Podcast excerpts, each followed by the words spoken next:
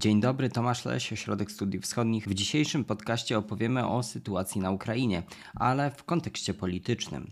Jakie poparcie ma prezydent Zełęński? Co się dzieje na ukraińskiej scenie politycznej i jak w obecnej sytuacji zachowuje się opozycja? O tym wszystkim będę rozmawiał z Tadeuszem Iwańskim, kierownikiem zespołu Białorusi, Ukrainy i Mołdawii w Ośrodku Studiów Wschodnich.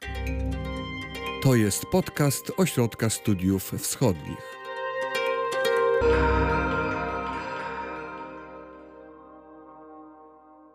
Zaczniemy od tego, jak wygląda obecne poparcie dla prezydenta Zełańskiego. Czy ono po tej ogromnej fali na początku poparcia, czy ono spadło teraz już e, po kilku miesiącach trwania wojny?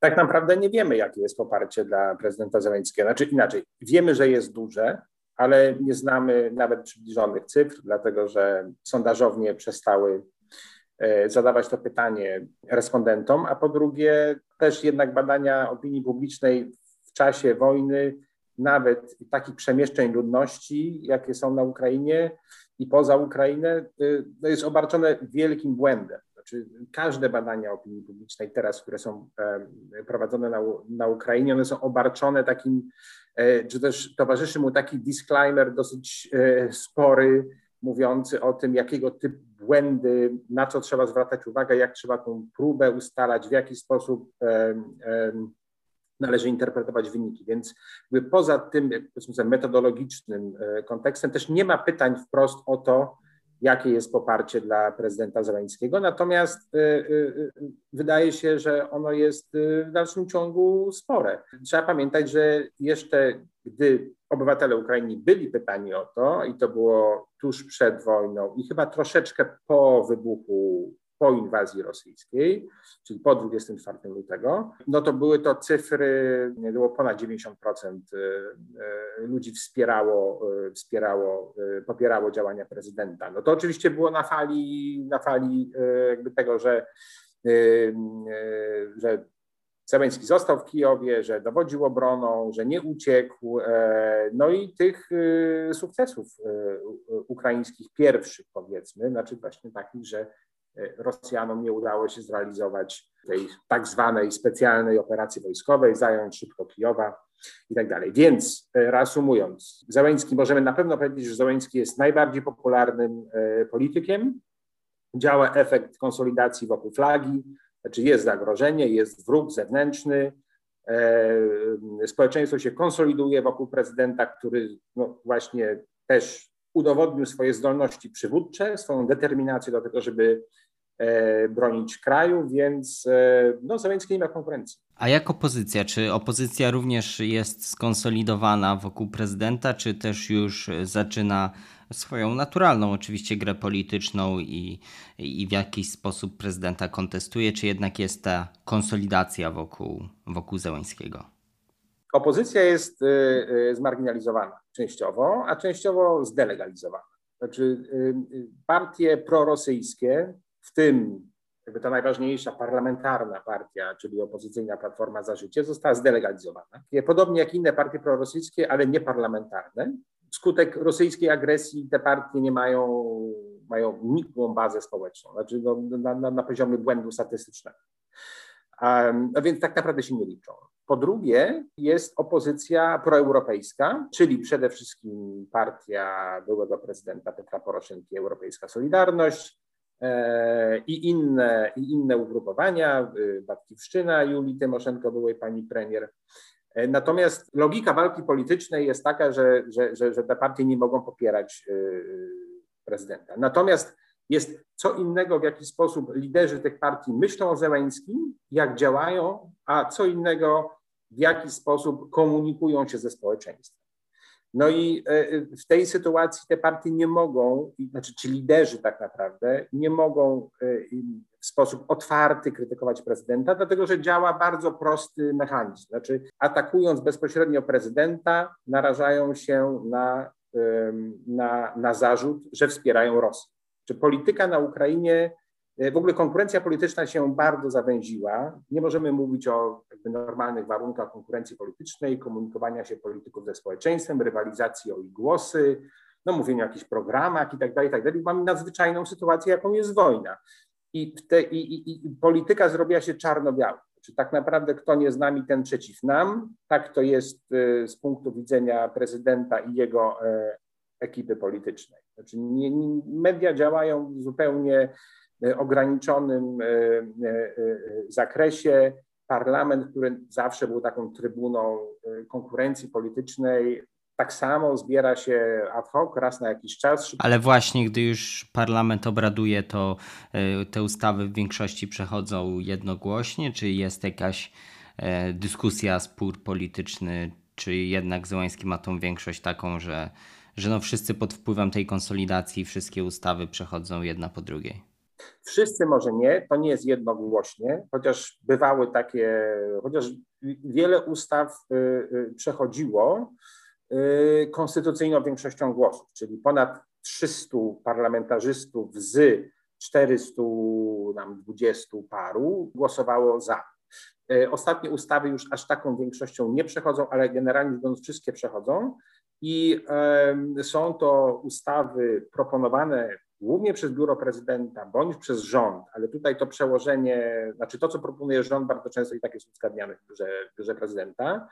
Więc jakby ta konsolidacja polityczna i to rozumienie ze strony partii opozycyjnych, że wobec zagrożenia zewnętrznego, że wobec Rosji musimy prezentować skonsolidowane stanowisko, jedność, pewien monolit, jakby to jest. Znaczy pod tym względem opozycja y, y, y, ukraińska ewidentnie zdała egzamin i, e, i nie daje wielu pretekstów e, propagandzie rosyjskiej do tego, żeby ona dzieliła i jakby wchodziła wewnątrz te spory ukraińskie, dlatego że one są jak najbardziej, jak najbardziej wyciszane.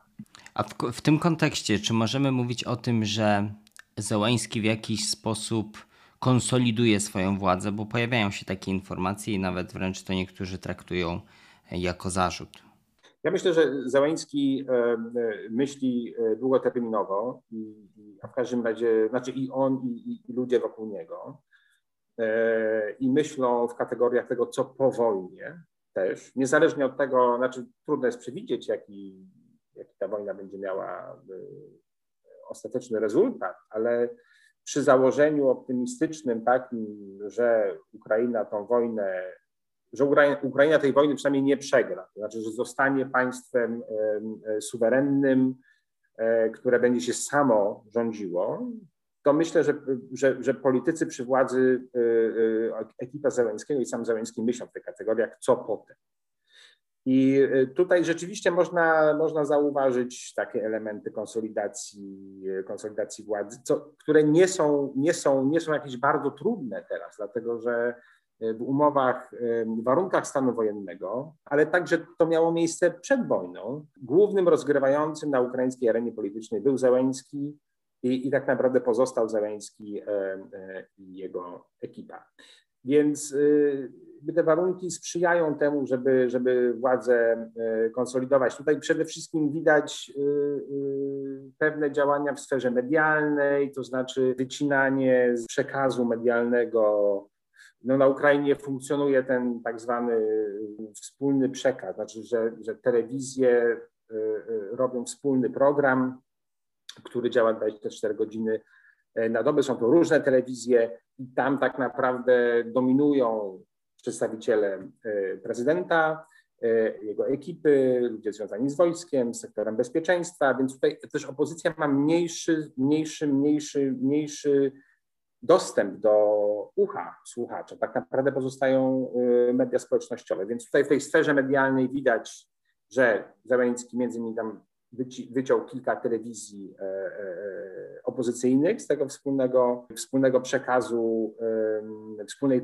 transmisji jakby widać działania w kierunku, yy, znaczy pokazujące, że nie zapomniał o animozjach i o walce z, ze swoim no, największym y, konkurentem, yy, czyli, czyli byłym prezydentem Petro Poroszenką. No właśnie, jak się on odnajduje w tej sytuacji? Jest aktywny, jest widoczny? Stara się być jak najbardziej widoczny. Jest politykiem, stara się być jak najbardziej widoczny i stara się właśnie w jakiś sposób e, e, e, zrównoważyć z jednej strony ten sceptyczny, krytyczny stosunek do, do prezydenta, po to, żeby się od niego odróżnić, po to, żeby wyborcy o nim nie zapomnieli, a z drugiej strony, żeby się nie narazić na zarzuty, że nie wspiera państwa, czyli de facto wspiera Federację Rosyjską. W związku z tym przede wszystkim na arenie międzynarodowej Petro Poroszenko często jeździ, czasami nie udaje mu się wyjechać, ale, ale, ale jak już jeździ, jak rozmawia z partnerami zagranicznymi, no to prezentuje tak naprawdę przekaz e, bardzo podobny jak, e, jak prezydent, to znaczy, że prosi o wsparcie, apeluje o wsparcie finansowe, o wsparcie materialne, o wsparcie w zakresie uzbrojenia.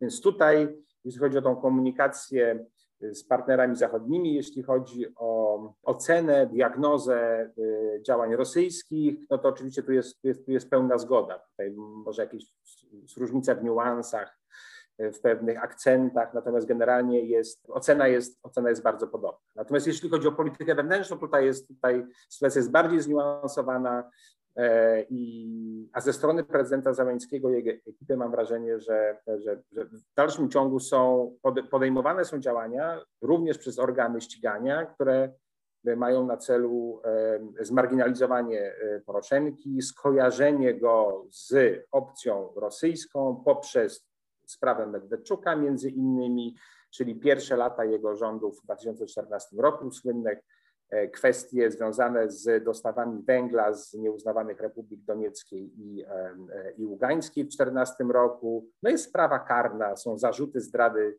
państwa bardzo poważne e, i tutaj prokuratura się z tego, no, która jest kontrolowana przez Zeleńskiego, się, się z tego nie, nie, nie wycofuje wcale.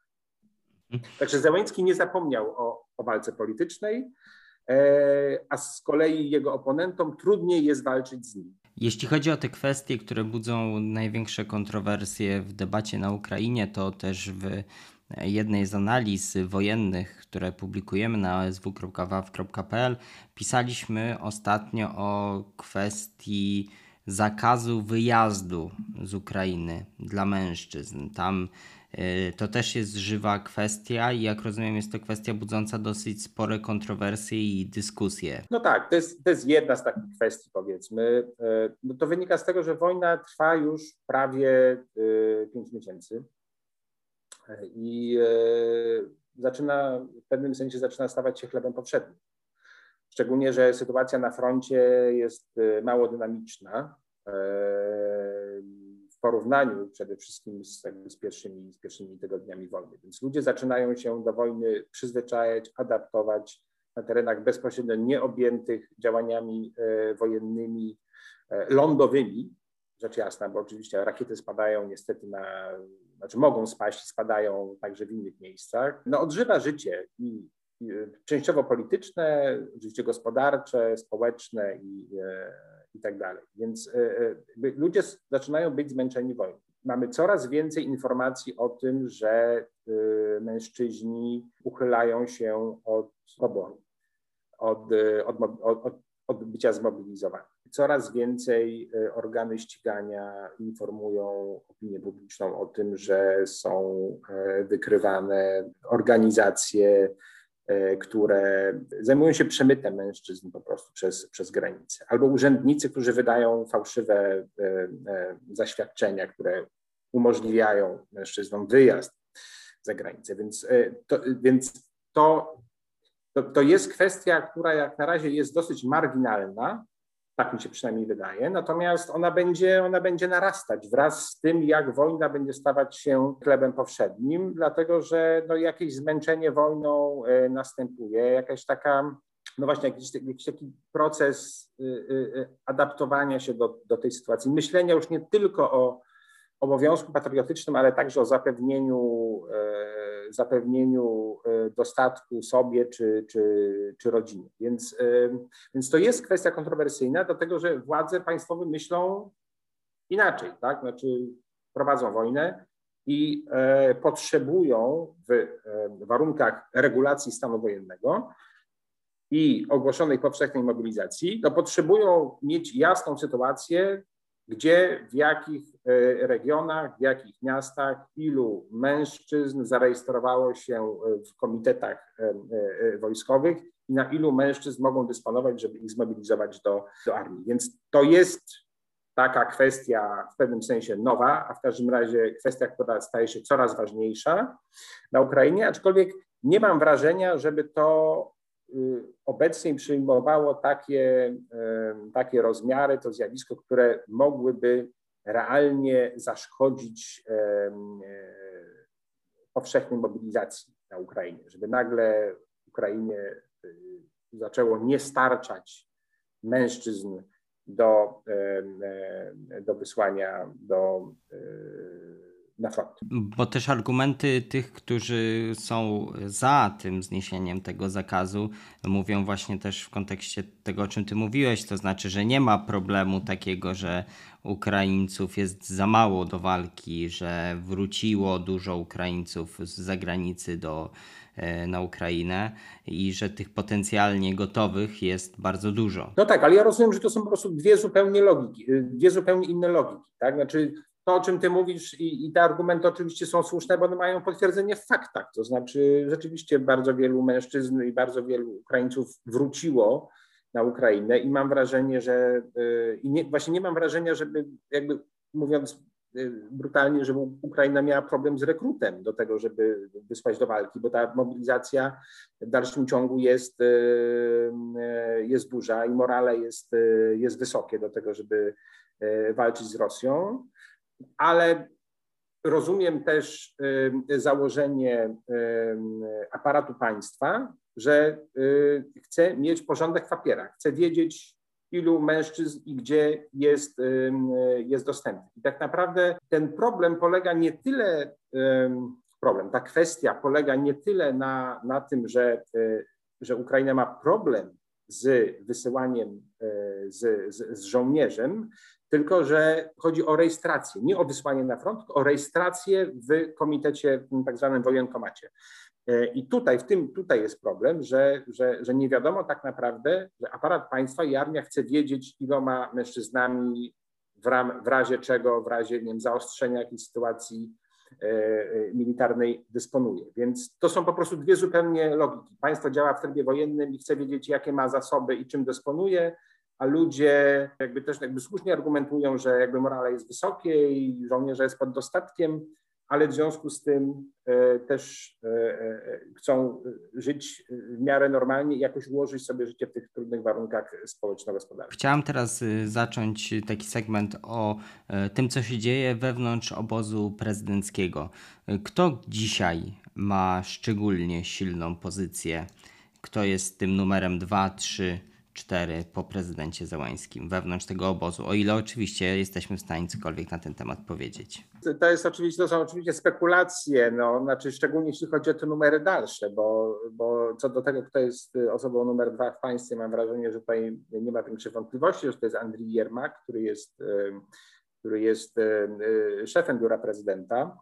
E, i przez jego ręce przychodzą tak naprawdę e, bardzo wiele dokumentów, bardzo wiele decyzji. Na wszystkich zdjęciach jest zawsze bardzo blisko prezydenta, czy jest najbardziej zaufanym doradcą, takim filtrem, e, cieszy się jego dużym zaufaniem, jest takim filtrem, przez który przechodzą, przechodzi wiele informacji, czy też wiele kontaktów z prezydentem. Więc mam wrażenie, że to jest niekwestionowany numer dwa, a jak niektórzy ludzie mówią, raczej krytycy y, prezydenta na Ukrainie, że y, to nie jest, y, nie jest co prawda numer jeden, ale też nie jest numer dwa.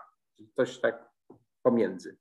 Sam Jermak, mam wrażenie, że już przed wojną zaczął budować swoją grupę w ramach obozu władzy szeroko pojętego, w ramach szeroko pojętej administracji, ale także biura prezydenta, bo po tym, jak Załęski został wy, wy, wy, wybrany, wiele kluczowych stanowisk zajęli jego znajomi, przyjaciele jeszcze z czasów przedpolitycznych, powiedzmy.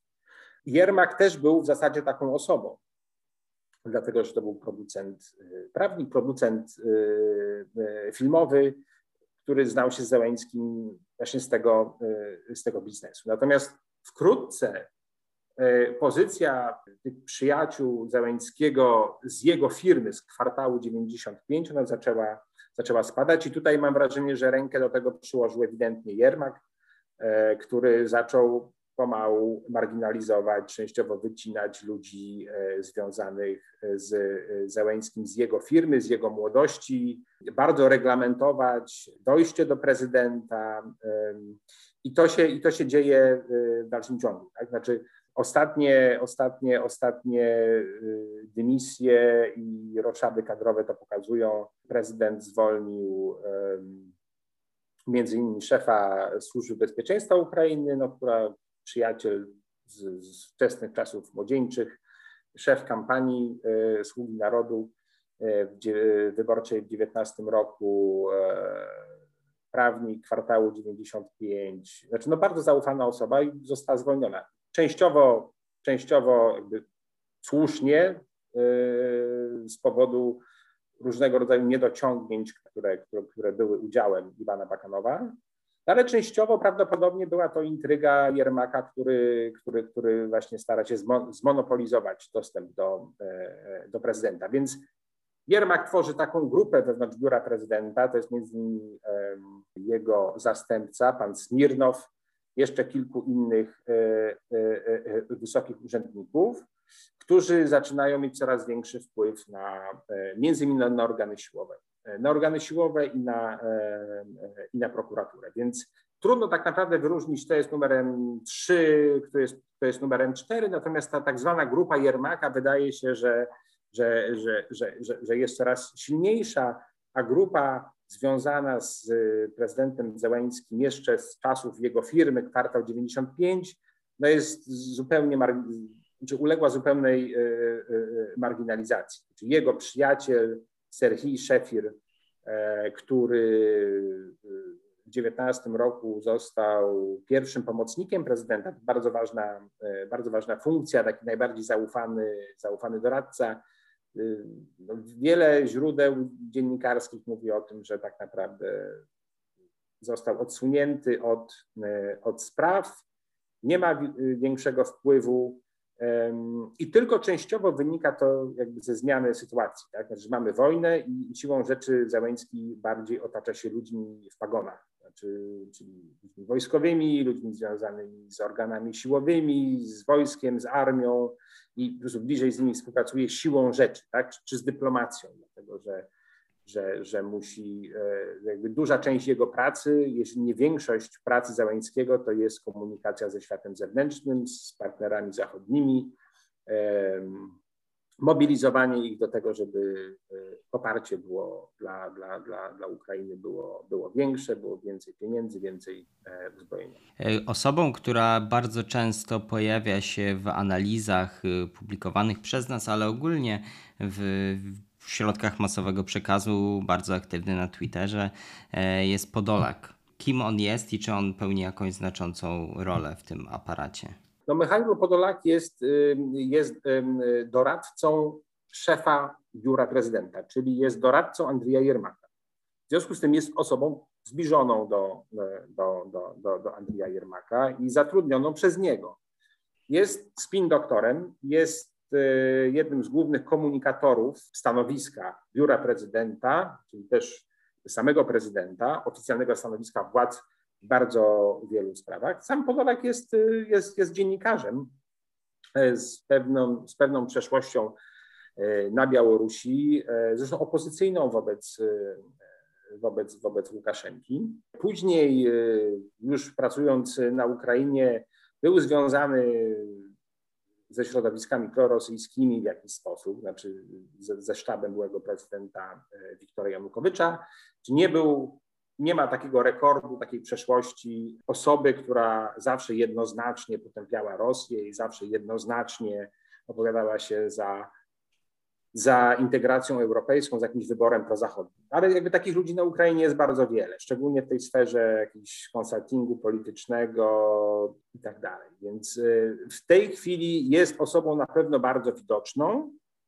Jest, wydaje mi się, osobą dosyć wpływową. Przypomnijmy, że y, w pierwszych dniach y, czy w pierwszych tygodniach po, po, rosyjskiej y, inwazji też był w tej grupie biorącej udział w negocjacjach z Rosją, które później załamały się po, po, po, tragedii Buczy, Irpienia i, i tak dalej. Więc on jest osobą zbliżoną do Jermaka, można było powiedzieć, że jest częścią tej grupy, którą, którą tworzy Jermak i ma zadania właśnie takie przede wszystkim PR-owe, E, komunikowania, komunikowania stanowiska e, obozu prezydenckiego e, władz, więc jest osobą wpływową. Tak. Inną taką osobą jest Dawid Arahamia, który, który, który przed wojną był szefem, znaczy jest w dalszym ciągu, jest szefem frakcji Sługi Narodu w parlamencie, ale wydaje się, że, że jego, jego zadania są znacznie większe, znaczy znacznie szersze, że prezydent obdarza go zaufaniem, powierza mu pewne misje, które, e, które, które są istotne. E, też brał udział w rozmowach ukraińsko-rosyjskich e, w pierwszych tygodniach po inwazji i wiele takich informacji insiderskich od, od dziennikarzy ukraińskich wynika, wynika z nich, że też jakby bierze udział w takich naradach w wąskim gronie w biurze prezydenta, gdzie właśnie jest oczywiście prezydent, jest e, Jermak, jest, e, no jest Arahamia e, i są szefowie jakby służb specjalnych i resortów, resortów wojskowych, wojennych. Więc jeśli chodzi o te cywilne osoby, no to właśnie Jermak oczywiście ma pozycję kluczową, ale dochodzą tam też właśnie, to będzie Arahamia, czy częściowo to będą ludzie odpowiedzialni za kwestie związane z polityką zagraniczną. I tutaj na dzisiaj postawimy kropkę. Ja odsyłam Państwa na osw.waw.pl do tych kilkukrotnie tu wspominanych analiz, które regularnie publikujemy o sytuacji w wojnie na Ukrainie. Tymczasem dziękuję za tę rozmowę. Dziękuję. I do usłyszenia w kolejnych odcinkach.